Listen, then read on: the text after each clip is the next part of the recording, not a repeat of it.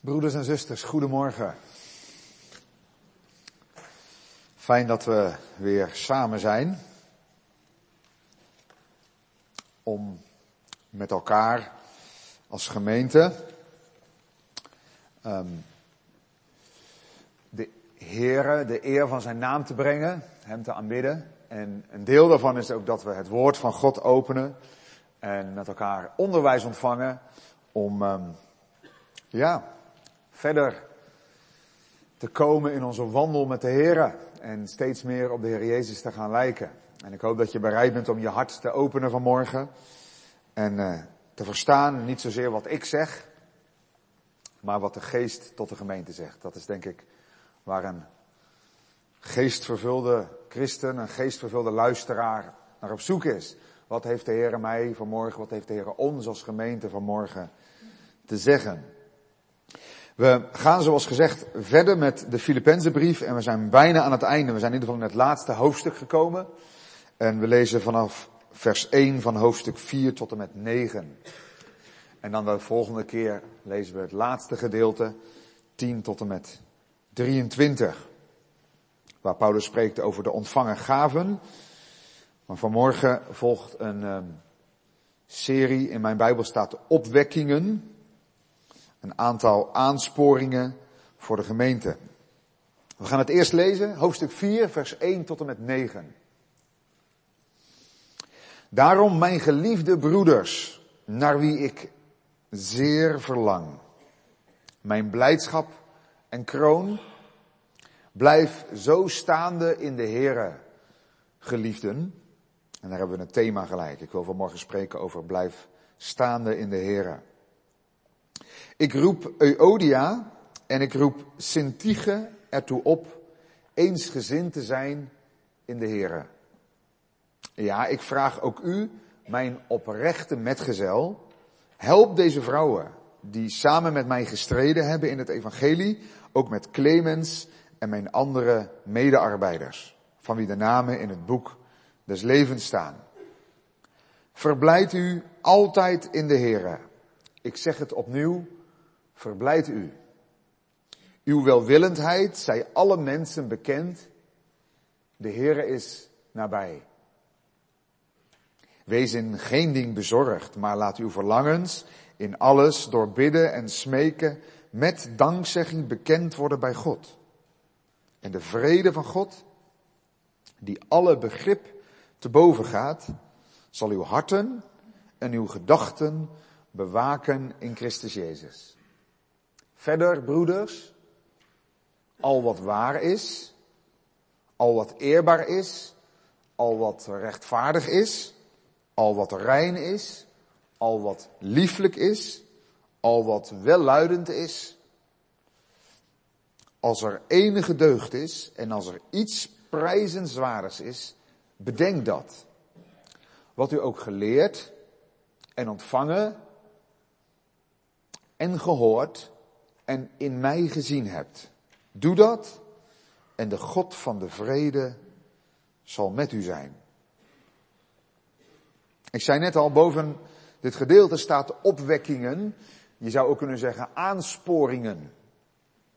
En misschien zit je hier vanmorgen en zeg je, ik voel alweer een beetje waar het heen gaat. Als ik die teksten zo lees, vers 1 tot en met 9, dat zijn één voor één allerlei aansporingen om mij als christen in beweging te houden, om mij geestelijk te houden.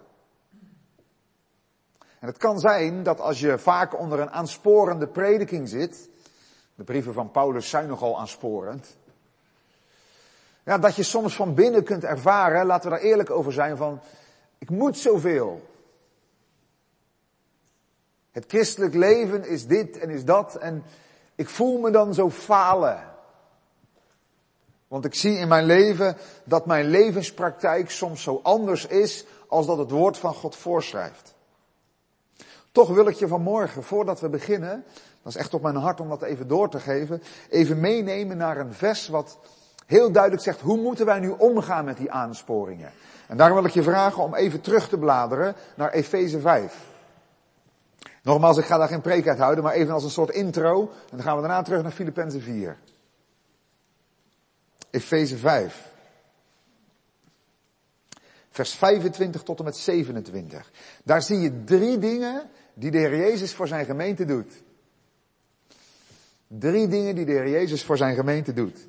En het eerste wat hij gedaan heeft, dat is een daad in het verleden. Vers 25. Lees met me mee. Paulus schrijft er over het huwelijk en dan neemt hij het voorbeeld van de Heer Jezus. Dan zegt hij, mannen heb uw eigen vrouw lief, zoals ook Christus de gemeente lief gehad heeft en zich voor haar heeft overgegeven.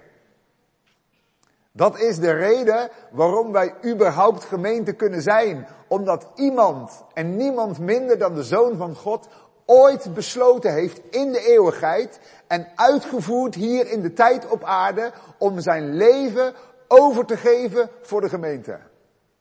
En dat is de reden waarom wij vanmorgen avondmaal kunnen vieren. Dat is de reden waarom wij vanmorgen tegen elkaar kunnen zeggen, broeder en zuster, wij leven niet meer onder de last van de zonde, maar wij zijn bevrijd en kinderen van God. Er is maar één fundament voor en dat is het offer van de Heer Jezus Christus. Hij heeft besloten in zijn liefdeshart, onze heiland, onze meester, heeft besloten om zich over te geven tot in de dood. Voor ons. In het verleden. Dat heeft hij voor ons in het verleden gedaan. Maar wat doet hij in het heden? Vers 26. Waar is de Heer Jezus mee bezig? Opdat hij haar zou heiligen. Door haar te reinigen met het waterbad door het woord. Nou, dat doen wij vanmorgen. Wij overdenken het woord. En wat is de bedoeling van het woord? De bedoeling van het woord is, het is een waterbad wat ons leven reinigt en heiligt. Dus we zijn door hem gekocht, we zijn door hem vrijgekocht uit die slavernij van de zonde. We zijn nu onder zijn herderlijke zorg in zijn kudde, toch? En hij is bezig als de goede herder om ons te reinigen, te verzorgen en te heiligen. Daar is hij mee bezig. En het woord van God, zo zegt hier Efeze 5 vers 26, het woord is het instrument. En ik hoop dat je dat herkent. Dat reinigt ons, dat heiligt ons. Want, waar gaat het heen? Vers 27. Dat is zijn genade in de toekomst. Er staat een moment op de agenda, op Gods agenda en ook op de agenda van een christen. Dat de gemeente in heerlijkheid voor hem geplaatst gaat worden. Kan je dat al een beetje voorstellen? De gemeente in heerlijkheid voor de Heer Jezus. En hij zegt er nog bij, een gemeente zonder smet of rimpel of iets dergelijks. Nou, er is nog geen sprake van. We zijn nog niet zonder smet of rimpel. Maar het gaat veranderen. We worden geheiligd en gereinigd om straks smetteloos voor Hem te staan. En ook als we vanmorgen dus aansporingen horen, opwekkingen horen om staande te blijven in de Heer, dan moet je dat zien als de liefde van de Heer Jezus die Hij aan jou en aan mij bewijst om ons te heiligen. Om ons voor te bereiden. Waarop? Op die ontmoeting die spoedig zal komen, waarin wij voor Hem zullen staan. Daar gaat het heen. Daar zijn we naar op weg. En als je dan vanmorgen in de samenkomst bent, niet alleen op zondag, elke dag trouwens, als je met het woord en met de Heer leeft. En je zegt, Heer, toets mij, doorgrond mij, reinig mij, leid mij, corrigeer mij, herstel mij, heilig mij. Ik verlang meer en meer het beeld van de Heer Jezus te dragen. Daar zijn die aansporingen, ook van Filippenzen 4, die we vanmorgen overdenken, geen last, geen moeten, maar het is de herder die zich genadig met mij bezighoudt. Heb je wel eens gezien? Het is geen draai om je oren. Zoals wij dat wel eens bij onze kinderen kunnen doen, hè, in onze onbeheerstheid. Dat je proeft, ik corrigeer mijn kind, maar mijn hart is niet zuiver. Het kwam voort uit irritatie. Nee, zo is onze heiland niet. Hij is geduldig. Hij neemt, soms neemt hij je apart. En zegt hij, mijn zoon, mijn dochter, dit in jouw leven. Dat zou ik graag anders zien. En soms heb je daarvoor wel zo'n draai aan je oor nodig, maar het is een draai om je oor in zijn genade. Om je voor te bereiden op dat geweldige moment. Nou, daar zegt Paulus, ik wil dat jullie staande blijven. Ik blader weer terug naar Filippenzen 4. Staande blijven in de Heer. Bekende zin misschien, hè? blijf staande, houd vol. Maar wat zegt deze zin eigenlijk al? Blijf staande in de Heer. Mijns inziens zegt deze zin dat je als christen staat. Toch? Je lag eerst, dood in zonde en misdaden, maar door je wedergeboorte ben je gaan staan voor Gods aangezicht. En de bedoeling is, zegt Paulus, dat je blijft staan. Dat je niet omvalt. Nou, daar zou je hele discussie over kunnen voeren. Kan een christen dan omvallen? Daar gaan we het vanmorgen niet over hebben. De bedoeling is dat je staande blijft, dat je gericht blijft op Hem. Want het is niet ondenkbaar dat je geestelijk in slaap valt.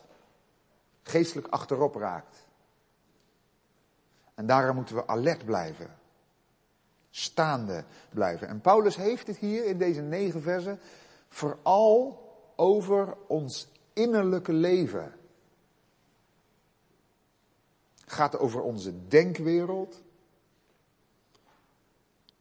Het gaat over bezorgdheid, het gaat over vreugde, het gaat over het denken in vers 8.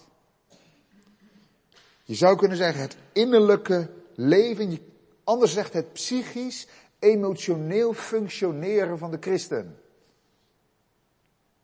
Want wist je dat de Heer Jezus ons gekocht heeft naar ziel, geest en lichaam? Wij denken vaak, zo zit het een beetje hier in ons hoofd, dat als je een lichamelijk probleem hebt, dan ga je naar de huisarts.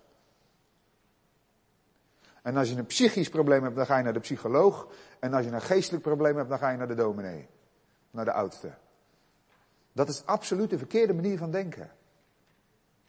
De Heer Jezus is Heer over ziel, verstand, wil, emoties, geest en lichaam.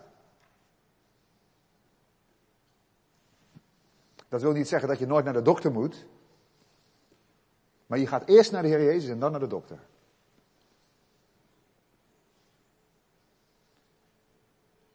En ook als je in je ziel, dus in je denkwereld, strijd of problemen of moedeloosheid ervaart, dan loop je niet allereerst naar een psychiater.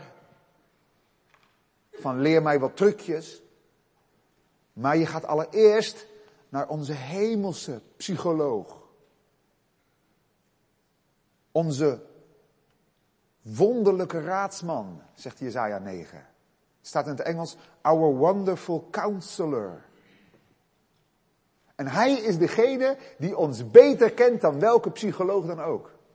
En het is zo mooi dat de Bijbel daarover spreekt. Bijvoorbeeld vers 6 hier, het gaat over bezorgdheid. Waar christenen en niet-christenen last van hebben. En de Bijbel gaat daarover. De Heer Jezus heeft daar heel veel over gesproken. Denk aan de bergreden. En deze adviezen die Paulus hier in dit gedeelte geeft, die we met elkaar gaan bespreken, die gaan dus heel erg over ons innerlijke leven. En ik vind het zo belangrijk dat we daarover nadenken. Ik las op 20 december, of 30 december, ik kan niet zo goed lezen wat ik heb opgeschreven.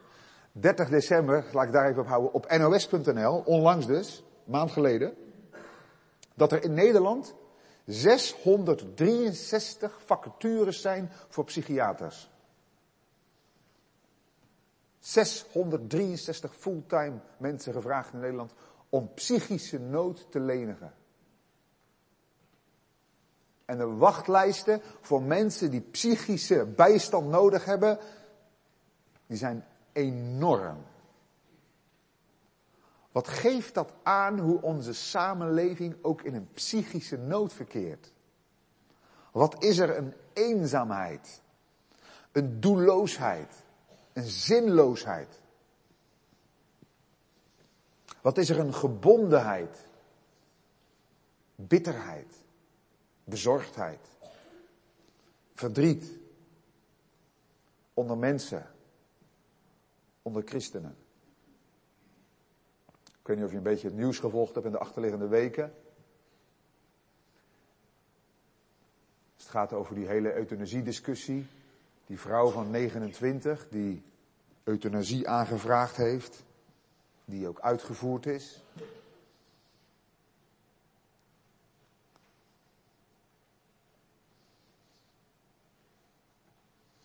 Wat een diep verdriet, diepe eenzaamheid bij mensen.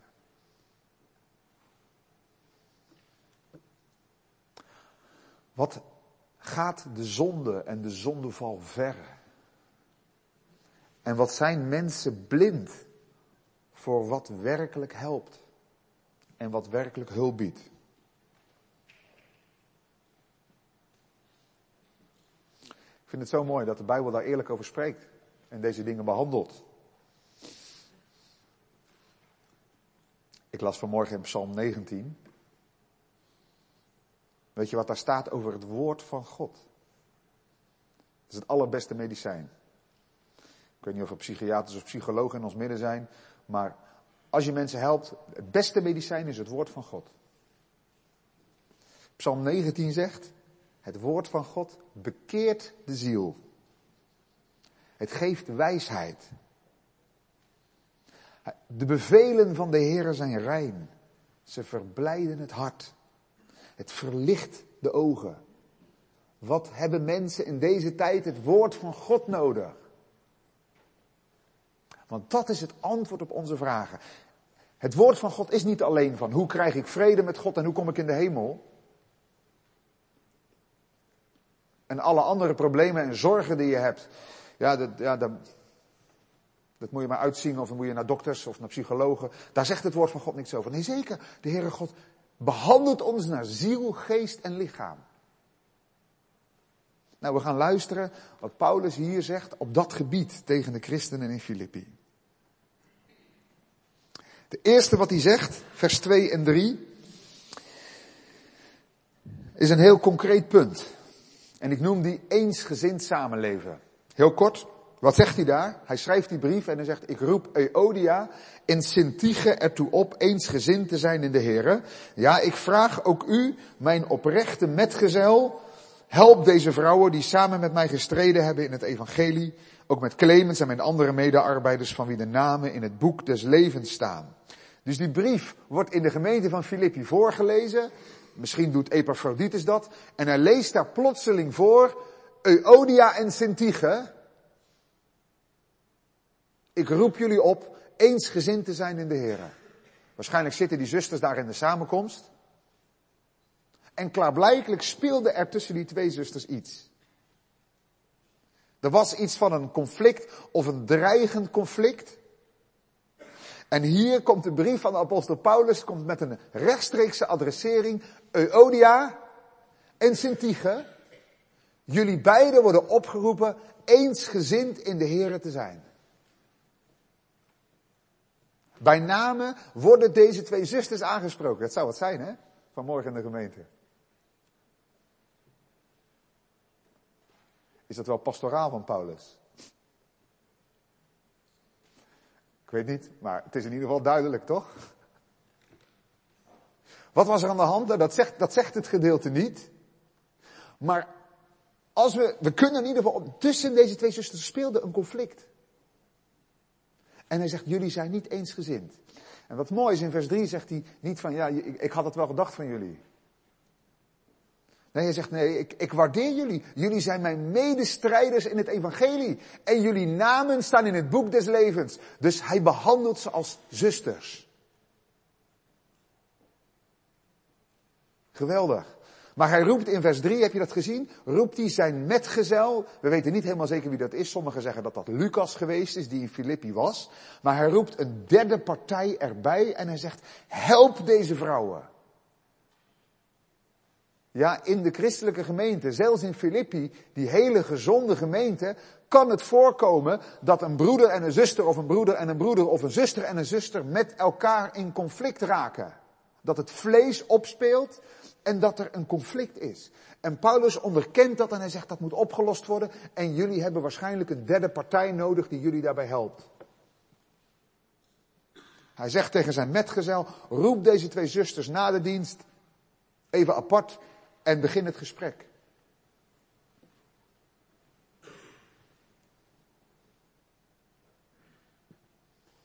Want conflicten, herken je dat? Die zijn als een soort van splinter. Een glassplinter die in je vlees komt. En eerst voel je dat amper, hè? En dan zit een klein wondje en dat wordt, gaat dicht en dan komt een kostje op en uiteindelijk zit dat redelijk dicht. Maar elke keer als je dat stukje stoot, dan weet je dat zit niet goed. Hoeveel christenen zijn er niet? Die ooit een conflict of een woordenstrijd met iemand gehad hebben. En misschien gezegd hebben, nou de tijd heelt alle wonden. Maar telkens als je die ander ziet, dan weet je van binnen dat zit niet pluis. Paulus zegt hier, jullie moeten dat uitspreken. Ruim conflicten op. Niet met zand erover, maar ik zou bijna zeggen bloed erover. Breng het onder het bloed van de Heer Jezus Christus. En dat vraagt hier van deze twee zusters in Filippi waarschijnlijk dat ze hun trots inslikken, dat ze de minste zijn en dat ze op die andere afstappen en dat we zeggen, zuster, broeder, misschien moeten wij even praten. En dan begin je niet bij het aandeel van die ander, maar je begint bij jezelf.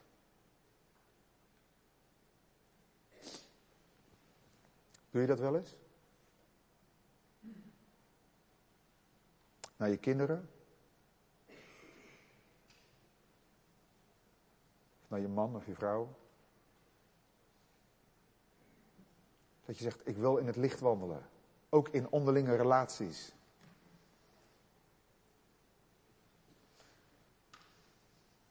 We kunnen in ons gezin tegen onze kinderen honderd keer zeggen dat we de Heer Jezus volgen. En elke dag uit de Bijbel lezen en tientallen liederen zingen. Maar als het niet blijkt uit de gebrokenheid van ons hart, als het niet blijkt uit het feit dat we bereid zijn om de minste te zijn. Om te buigen voor de ander. Dan is het met elkaar een tegenspraak. Hoe blijf je staande in de Heer? Eén, leef zonder conflicten. Maak je vrij van bitterheid en van ruzie. Los dat op, zegt Paulus. Want anders blijf je niet staande. Struikel je. Hoeveel gemeentes, broeders en zusters, hoeveel gemeentes die goed begonnen zijn, zijn uiteindelijk niet teloor gegaan omdat er een sluimerend conflict was wat niet is opgelost. Paulus behandelt het hier heel eerlijk in vers 2 en 3. En hij zegt, zorg dat het genezen wordt. Hij gaat naar een volgende aansporing. Ik noem dat nummer 2. Hij zegt in vers 4, verblijd u altijd in de Heere. Ik zeg het opnieuw, verblijd u. Uw welwillendheid zij alle mensen bekend. De Heere is nabij. Hoe houd je stand? Wat moet er in ons hart blijven? De blijdschap in de Heere. Nou, een vraag aan je. Hoe ben je vanmorgen gekomen? Heb je je vandaag al verblijd in de Heer? Wist je dat onder het oude verbond, als Israël, vanmorgen noemde Roelof dat al met Psalm 122, maar als Israël naar de tabernakel, naar de tempel ging, je leest die liederen van de opgang, bijvoorbeeld Psalm 100, hè, daar staat, ga zijn poorten binnen met een lofoffer. Zijn voorhoven met dankzegging. En als je de beschrijving van de christelijke of van de Joodse feesten leest, Deuteronomium 16, daar zie je dat daar voortdurend bij elk feest staat, je mag niet met lege handen voor het aangezicht van de Heer verschijnen. Met andere woorden, kom je in de tegenwoordigheid van de Heer, oude verbond, kom je in de nabijheid van de tempel, kom je in de nabijheid van zijn aanwezigheid, zorg dan dat je niet met lege handen komt. En lege handen, betekende toen dat je niet zonder offer kwam, maar vandaag de dag, wat zijn onze lofoffers? Nou, daar kan je heel veel over zeggen, maar het is in ieder geval is dat we onze vreugde en onze verwondering voor de Heer uitspreken.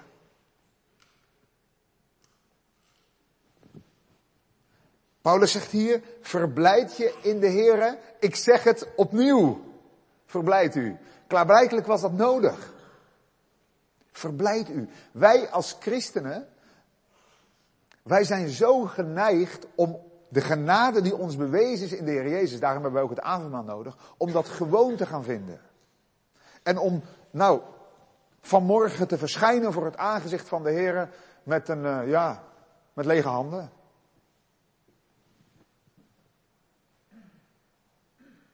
Maar het is zo goed om s'morgens te bedenken. Als je wakker wordt. Dit is de dag die de Heer ons geeft. Wees daarom blij en zing verheugd. Heren, ik dank u dat ik vanmorgen op deze maandag, deze dinsdag, deze vrijdag opnieuw met u mag wandelen. Ik dank u, Heer Jezus, dat toen u uw leven gaf, En toen u uw Heilige Geest uitstortte op deze aarde, dat dat ook genoeg is voor deze nieuwe dag. Ik dank u dat de Heilige Geest in mij woont. Ik dank u dat ik u mag kennen en dat ik vrede met u heb. Dat is niet jezelf oppeppen. Maar dat is waarheden bedenken. Om er vervolgens in te gaan staan.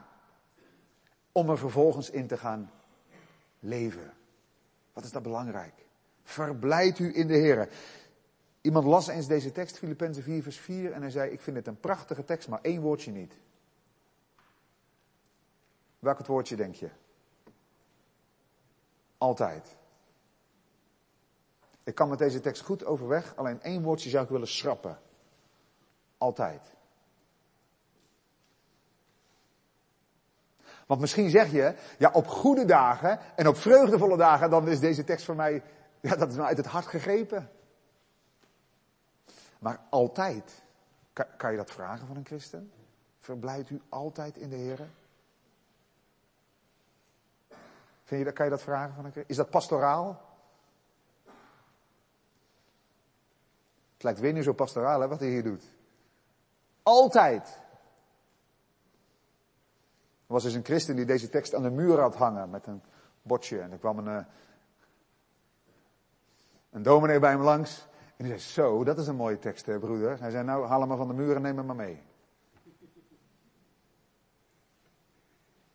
Dat woordje altijd. Weet je, ik vind het wel mooi om even bij stil te staan.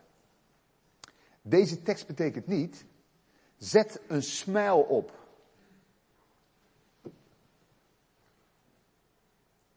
Be happy. Dat betekent deze tekst helemaal niet. Als je de Engelse vertaling kijkt, staat hier ook niet het woord happy. Er staat joy.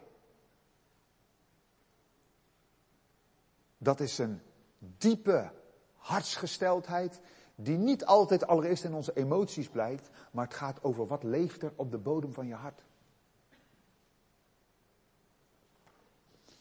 Nu wil ik even met je naar een vers uit het Oude Testament die volgens mij precies duidelijk maakt waar we het nu over hebben met elkaar. Dus even zoeken, dat is in Habakkuk 3. Ik zou het fijn vinden als je meebladert. Habakkuk 3.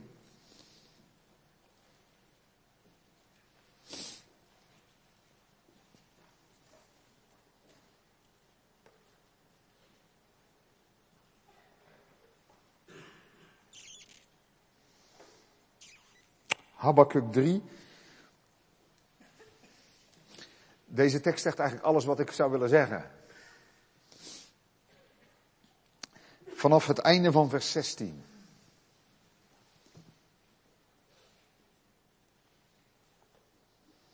Habakkuk 3 vanaf het einde van vers 16.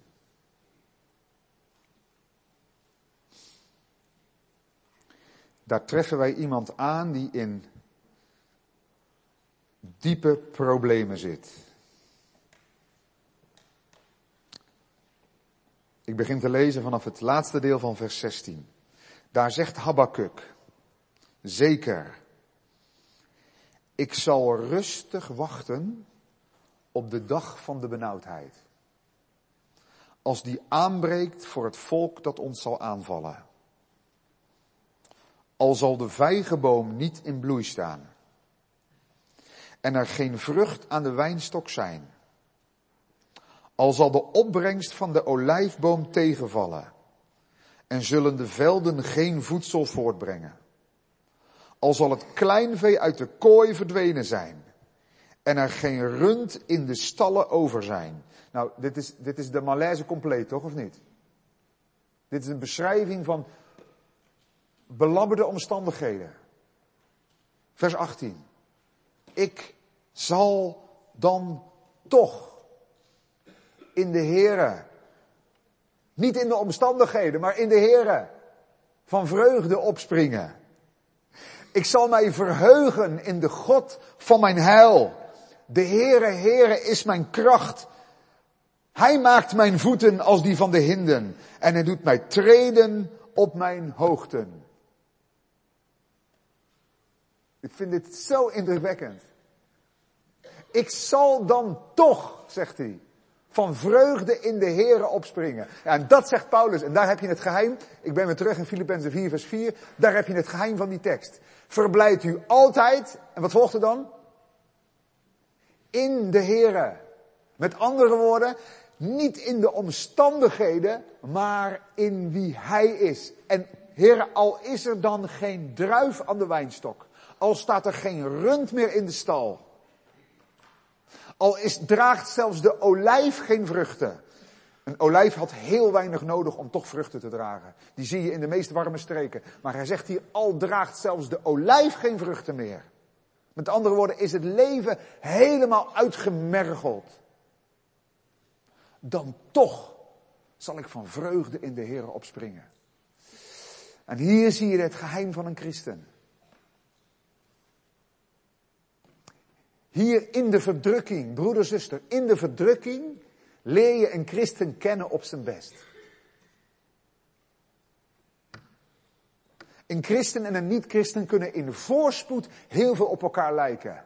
Ze zijn dankbaar, rustig, tevreden. Maar in tegenspoed zie je het verschil. Het wil niet zeggen dat je als christen geen vragen mag hebben. Het wil niet zeggen dat je soms waarom roept, zoals de Heer Jezus dat riep op het kruis.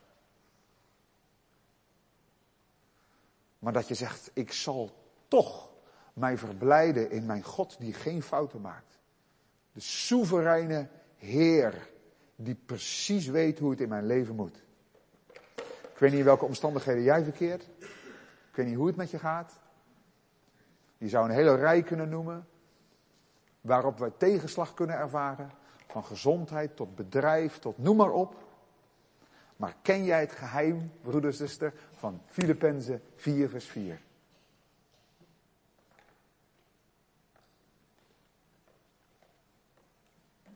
Heren, al begrijp ik u niet.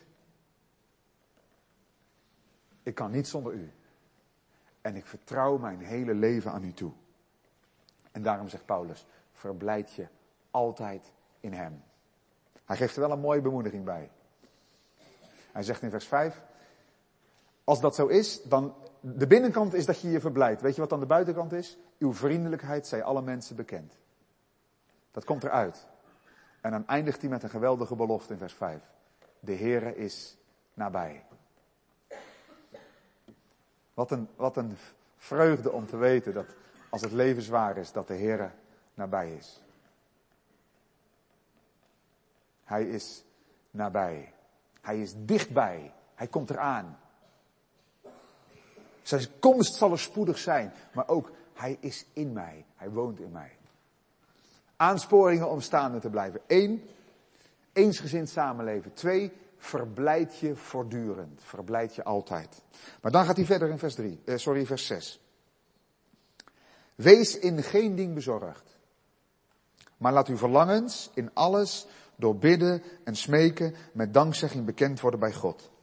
En de vrede van God, die alle begrip te boven gaat, zal uw harten en uw gedachten bewaken in Christus Jezus. Paulus snijdt hier het thema van de bezorgdheid aan. En um, hij geeft hier eigenlijk heel duidelijk aan, wees in geen ding bezorgd. Wat in vers 4 het woordje altijd was, is in vers 6 het woordje geen. Wees nooit bezorgd. Wees in niets bezorgd.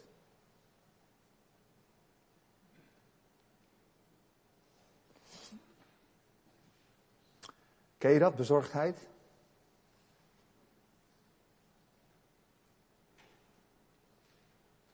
Gedachten die je hier vermeerderen. Hoofdpijn, slapeloosheid. Sommige mensen krijgen maagproblemen. Het kan zijn over je gezondheid, over je kinderen, over je kleinkinderen. Over de gemeente, over het wereldgebeuren.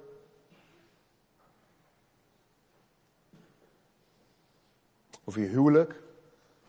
Over het feit dat je geen man of vrouw hebt. Je single zijn. En bezorgdheid is een proces in ons denken. En dat is een beetje karakterafhankelijk. Je moet maar bepalen aan het einde van de preek of ik er wel eens last van heb. Maar er komt een gedachte binnen. En daar gaan we op broeden.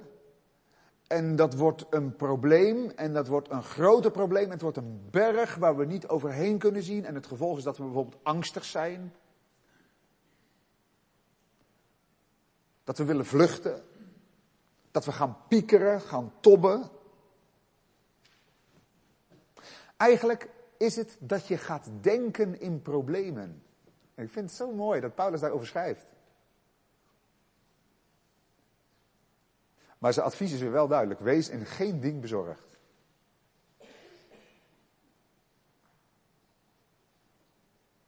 Eigenlijk is bezorgdheid een verkeerde manier van denken. Nou, even voor de duidelijkheid. Paulus zegt niet dat wij niet moeten zorgen. Wij moeten wel zorgen voor dingen waar we verantwoordelijk voor zijn. Maar we moeten, gaan, we moeten blijven denken vanuit Gods almacht en Gods goedheid. Eigenlijk is bezorgdheid een vorm van kleingeloof. We zien, we hebben heel veel bewondering, heel veel achting voor de problemen en weinig achting voor een grote God. Corrie ten Boom heeft daar heel veel over geschreven, over bezorgdheid. En zij heeft bezorgdheid vergeleken met een schommelstoel. Dus dan ga je inzitten en dan ga je bewegen. En je gaat steeds harder zo en je kan dat een uur doen. Je denkt en je denkt en je bezorgt en je hebt een probleem en je ziet het. En op een gegeven moment stap je uit en dan ben je precies waar je begonnen bent. Dan ben je geen stap verder gekomen.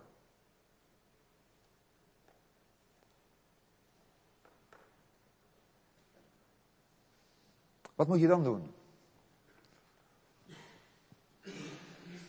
Het antwoord is niet, niet meer bezorgd zijn, want ja, zo werkt dat niet. Want het houdt je soms in je greep. Nee, het antwoord is maar. Wees in geen ding bezorgd, maar. daar komt het. Laat uw verlangens, daar heeft het dus mee te maken, laat uw verlangens in alles door bidden en smeken met dankzegging bekend worden bij God. Op het moment dat je een probleem ziet of ziet oprijzen, wat moet je dan doen? Paulus zegt, je moet niet gaan pieken, maar je moet gaan bidden. En dat bidden, dat is je verlangens onder bidden en smeken met dankzegging bekendmaken bij God. Dus je brengt dat bij hem, wat je verlangt. Een kind vraagt alles aan zijn vader. Breng het eenvoudig bij de Heer. Heer, ik weet niet hoe het moet. Heer, ik weet niet hoe ik mijn kind, ik weet niet hoe ik dit in, noem maar op, Al die situaties die je bezorgdheid kunnen opleveren. Je brengt het eenvoudig als een kind bij vader. Met bidden. En Paulus zegt, je mag er zelfs voor smeken. Zie je dat? Smeken. Maar vergeet niet te danken. Vergeet niet dat je in Christus al bijzonder gezegend bent. Dank voor wie God is. Bidden, smeken, danken. Dat is het tegengif op bezorgdheid. Als ik bezorgd ben, praat maar over mezelf, dan bid ik te weinig. Als ik bezorgd ben, dan dank ik te weinig. Maar als ik in die voortdurende verbondenheid met Vader leef, met mijn almachtige, goede Vader, die precies weet wat ik nodig heb, dan heeft bezorgdheid geen kans.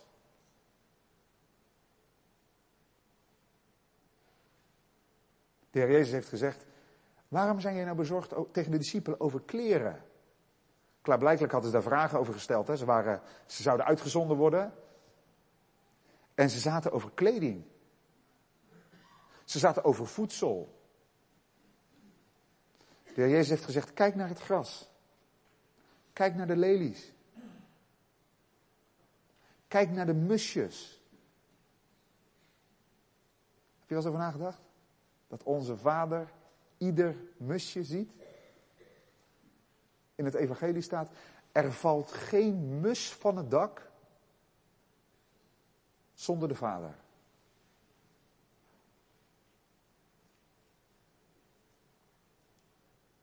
Met andere woorden, zijn oog, zijn goede vaderlijke oog, is zelfs op één voor ons onbelangrijke mus.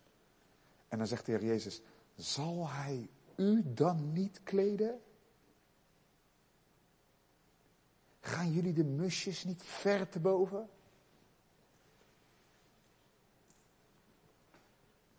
Misschien zeggen, ja, ik snap dat ik dan moet bidden en moet danken, maar wat is dan het effect? Nou, dat zegt vers 7 zo duidelijk. Wat gebeurt er op het moment dat wij in bezorgdheid gaan bidden en danken? Dan daalt er iets uit de hemel neer. Wat? De vrede van God. Die alle begrip te boven gaat, zal uw harten en uw gedachten bewaken in Christus Jezus. Broeder, zuster. Jij, u die wel eens kampt met bezorgdheid. Welke geweldige belofte geeft God hier aan zijn kinderen? Dat wanneer wij bidden, wanneer wij smeken en wanneer wij danken, dat er iets vanuit de hemel neerdaalt, namelijk de vrede van God. Dat is niet de vrede met God, die hebben we door het geloven, de rechtvaardiging. Maar de vrede van God is een onverklaarbaar besef. Ik kan het dus niet verklaren. Een vrede in het hart, wat we lazen bij Habakkuk. Ik zal, Habakkuk zei, 3 vers 15, ik zal rustig neerzitten en wachten. Dat is de vrede van God. En Paulus zegt, die alle begrip te boven gaat. Begrip, dat heeft te maken met die bezorgdheid. Hè? Je zit in je denken, probeer je de situatie te grijpen, te begrijpen. Maar Paulus zegt, die vrede van God, die gaat dat begrip te boven. En er daalt in jouw hart en in jouw gedachten, dus in je emotiewereld, je hart, en in je denkwereld, daalt er een vrede waar je, waar je genoeg aan hebt. De vrede van God zal je bewaken. Hier staat een militaire term. Eigenlijk een soldaat. Paulus zat in de gevangenis, mogelijk naast die soldaat. En hij wist zich bewaakt door die soldaat. En hij zei, zo bewaakt de vrede van God een christen die bidt en die smeekt en die dankt. Een onverklaarbare vrede. Ja, dat had Habakkuk. En dat heeft een christen. Ook al zijn de omstandigheden alles behalve rooskleurig. Dat je diep van binnen weet, de Heere is mijn herder. Mij ontbreekt het aan niets.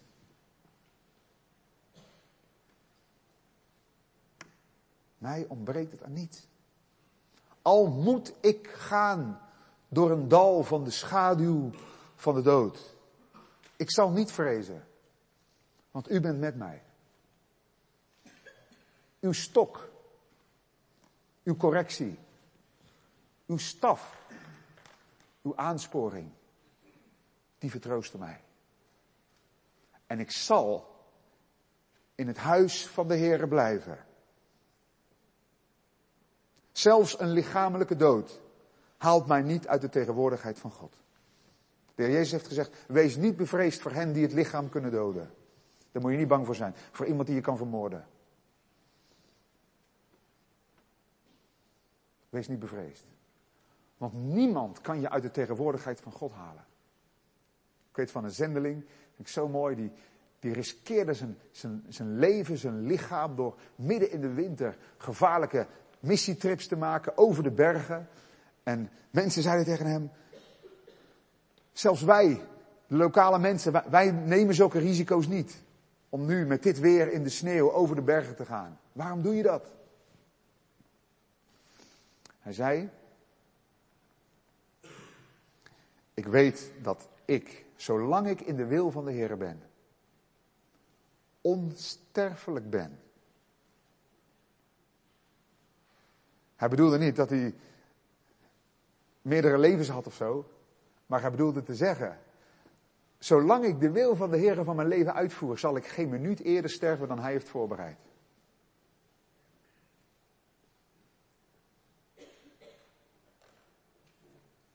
En hij zei, als dat moment is aangebroken dat ik de wil van de, van, van de Heer van mijn leven heb uitgevoerd, hij zegt, dan kan ik beter maar gaan.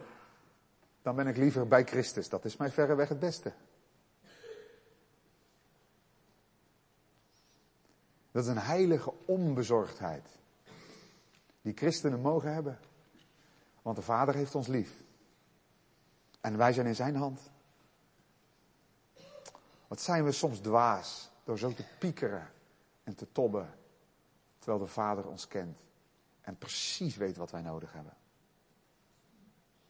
Dankend bidden. Dat was de derde. Paulus eindigt het gedeelte. Met nog twee dingen. Ik voeg die even samen. Je kunt er misschien verder over nadenken. In vers 8 zegt hij, broeders. En dan noemt hij een hele serie van dingen, al wat waar is, wat eerbaar is, wat rechtvaardig is, wat rein is, wat lieflijk is, wat welluidend is. Als er enige deugd is, als er iets prijzenswaardigs is, dat moeten jullie bedenken. Hoe, hoe blijf je staande in de Heer? Door gezond te denken.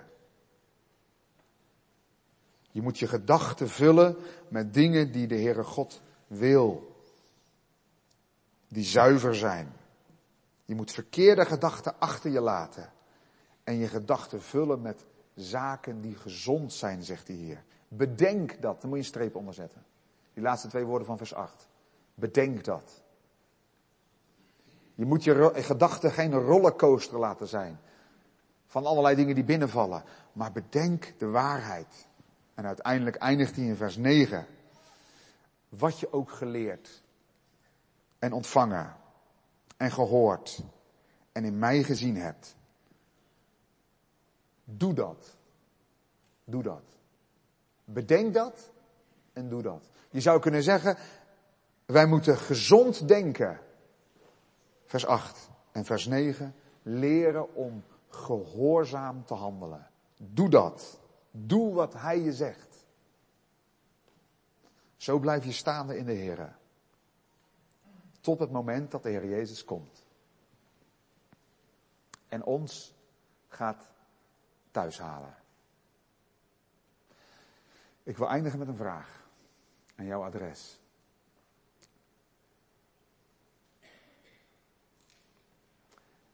Zie jij het belang in van geestelijk staande te blijven? geestelijk gezond te blijven. Fris te blijven. Gericht op de Heer. Neem dan deze aansporingen van de apostel ter harte.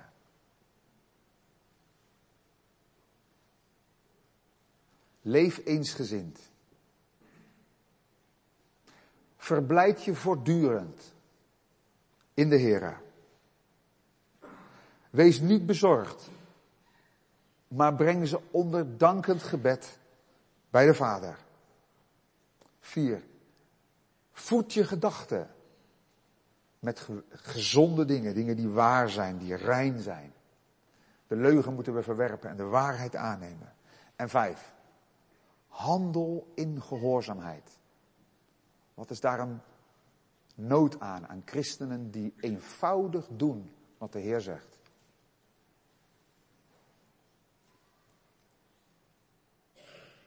Zie je die laatste belofte van vers 9? In vers 7 zei hij, de vrede van God zal met je zijn. Maar in vers 9 is het omgedraaid. Heb je dat gezien?